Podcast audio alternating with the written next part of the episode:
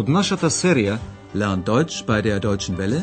Учете германски со Deutsche Welle, чујте ја серијата Deutsch, warum nicht? Германски зошто не?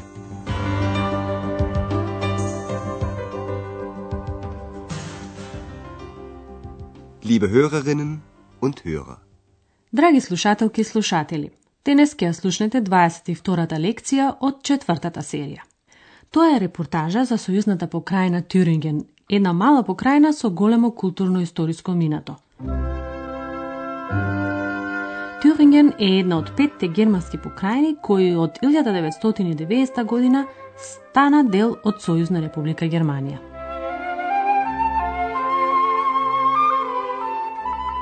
Тюринген е земја со многу шуми и клисури. Затоа многу често се нарекува зеленото срце, das grüne Herz на Германија. Лекцијата има наслов Тюринген – зеленото срце. Тюринген – das grüne Herz. На првата станица од своето патување, Андреас ќе го посети јужниот дел од покрајната, така наречената Тириншка шума, Тюринга Валд, каде се наоѓа најголемата патека за пешачење, Вандавејк во Европа, наречена Ренштајк. Во средниот век оваа патека била користена од куририте за пренесување пораки, а подоцна станало минена патека за пешачење. Таму сега се наоѓа Андреас. Ich bin hier mitten im Thüringer Wald, im grünen Herzen von Deutschland, auf einem bekannten Wanderweg.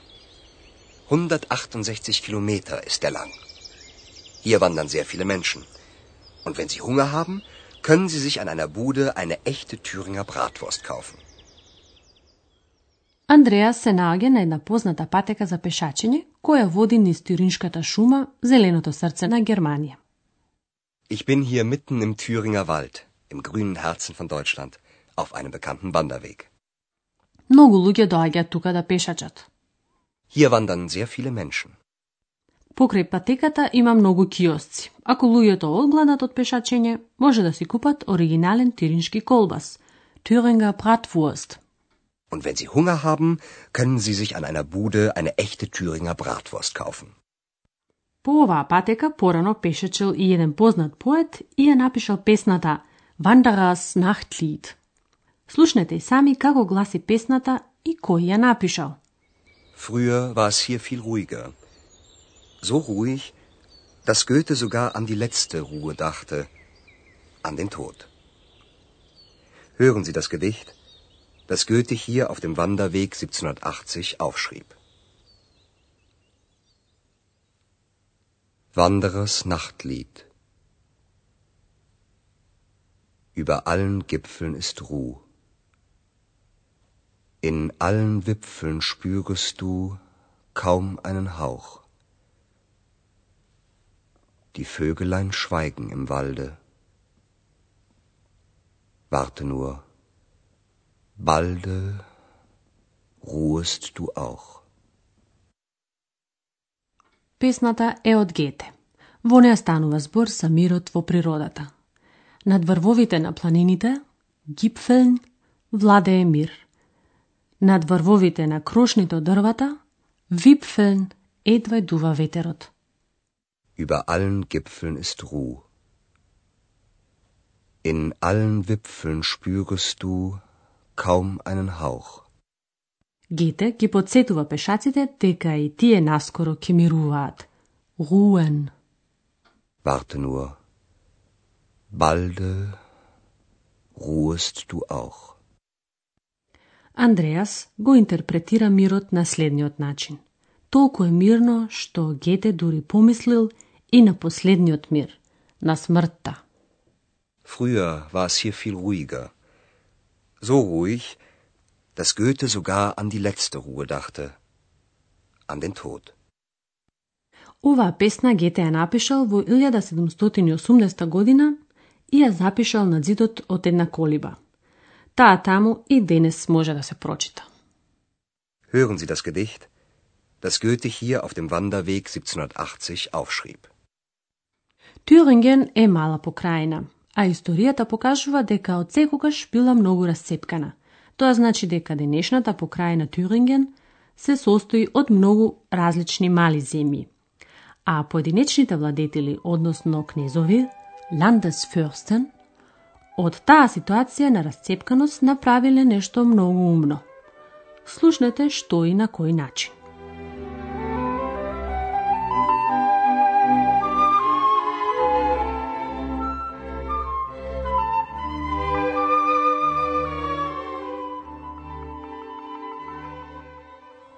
Thüringen ist ein kleines Land.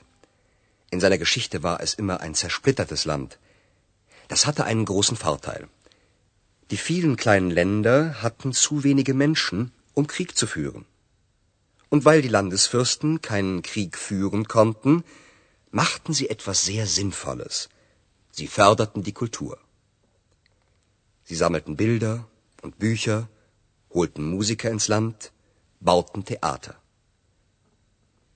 Im 18. Jahrhundert lebten in den beiden Städten Jena und Weimar viele berühmte Maler, Musiker und Dichter, wie zum Beispiel Schiller und Goethe. Владетелите, значи, не можеле да водат војни, бидејќи нивните земји биле многу мали и во нив живееле малку луѓе. Die vielen kleinen Länder hatten zu wenige Menschen, um Krieg zu führen. Затоа направиле нешто многу умно. Sinnvolles. Und weil die Landesfürsten keinen Krieg führen konnten, machten sie etwas sehr Sinnvolles.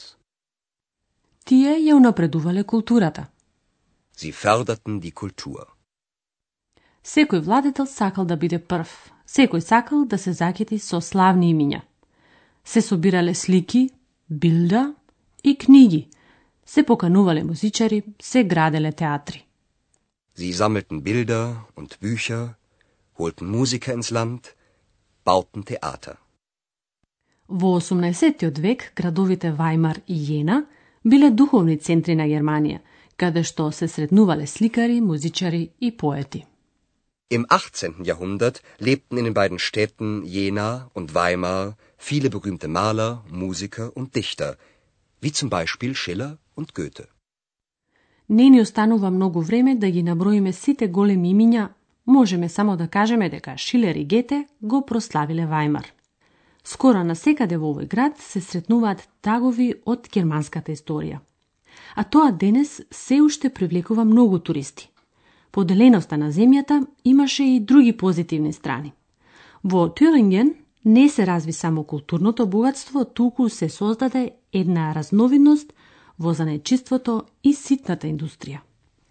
А сега ќе слушнете нешто за стаклото – глас, поточно за уметноста.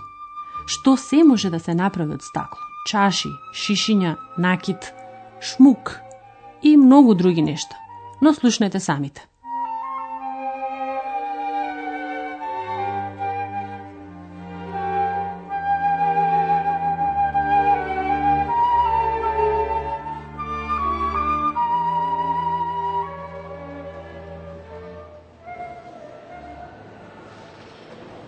Ich bin in einem Museum für Glaskunst und ich fühle mich ganz seltsam.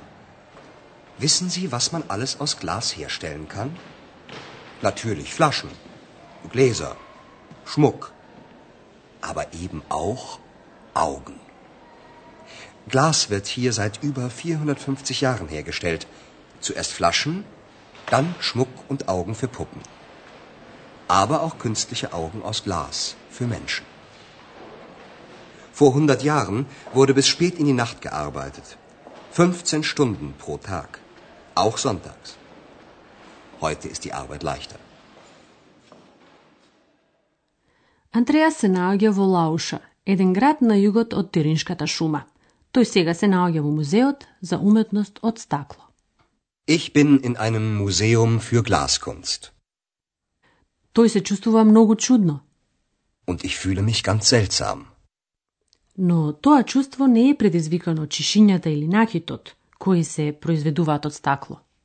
Wissen Sie, was man alles aus Glas herstellen kann? Natürlich Flaschen, Gläser, Schmuck. Тоа чувство кај него го предизвикуваат очите кои се прават од стакло, а кои најпрвин биле користени како очи за кукли. Puppen. Glas wird hier seit über 450 Jahren hergestellt. Zuerst Flaschen, dann Schmuck und Augen für Puppen. Во 19. век започнале да се произведуваат и очи за луѓе, значи вештачки очи, künstliche Augen. Aber auch künstliche Augen aus Glas für Menschen. Во еден период тиринжаните држале монопол во производството на стаклени очи, кои биле резултат на долготрајна макотрпна рачна работа. Со зголеменото автоматизирање на процесот, оваа работа денес е многу олеснета. Vor 100 Jahren wurde bis spät in die Nacht gearbeitet. 15 Stunden pro Tag. Auch sonntags. Heute ist die Arbeit leichter. Многобројните занаети и помалите индустријски гранки, од кои сега го споменавме само производството на стакло, ја олеснија ситуацијата на луѓето по обединувањето на Германија. Бројот на невработените во Тиринген не е толку голем како во другите источни сојузни покрајни. Нема многу масовни отпуштања од работа, бидејќи не постои само една голема индустријска гранка околу која се сконцентрираше се –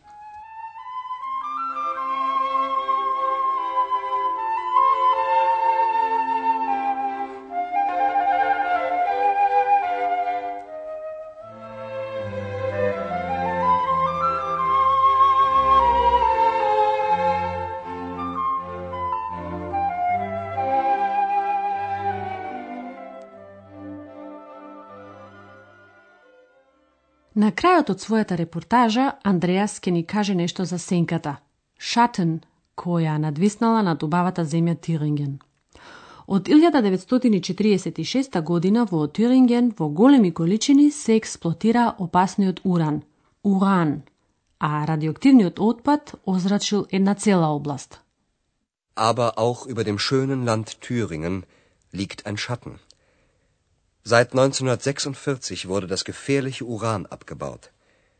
Es wurde in großen Mengen abgebaut. Im Osten von Thüringen, an der Grenze zu Sachsen. Zwar wird dort seit 1990 kein Uran mehr abgebaut, aber die radioaktiven Abfälle sind noch immer dort und noch immer gefährden sie die Menschen und die Umwelt. Andreas konstatira, врз убавата земја Thüringen надвиснала сенка. Aber auch über dem schönen Land Thüringen liegt ein Schatten. По Втората светска војна, Германија беше поделена на Западна или Сојузна република Германија и Источна или Германска демократска република. За да ја има основата за производство на атомско оружје, Сталин во 1946 година ја нареди експлоатацијата на уранот во Источна Германија.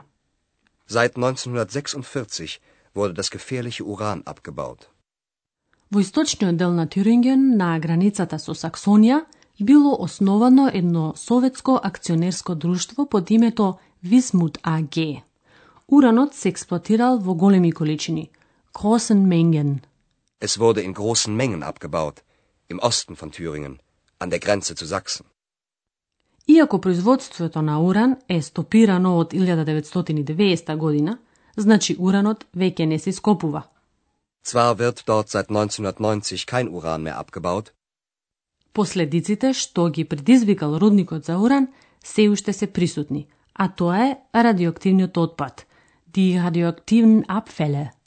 Zwar wird dort seit 1990 kein Uran mehr abgebaut, aber die radioaktiven Abfälle sind noch immer dort. Дури сега се објавуваат штетите направени врз луѓето и животната средина. Станува збор за 500 милиони тони радиоактивен отпад, кој се уште представува голема опасност. Und noch immer gefährden sie die Menschen und die Umwelt. Санацијата на областа околу предпријатието Визмут АГ, согласно плановите, треба да биде завршена до 2008 година. Тоа беше германски «Зошто не?» радиоговорен курс на Херат Мезе во продукција на Дојче Веле и на Гетовиот институт од Минхен.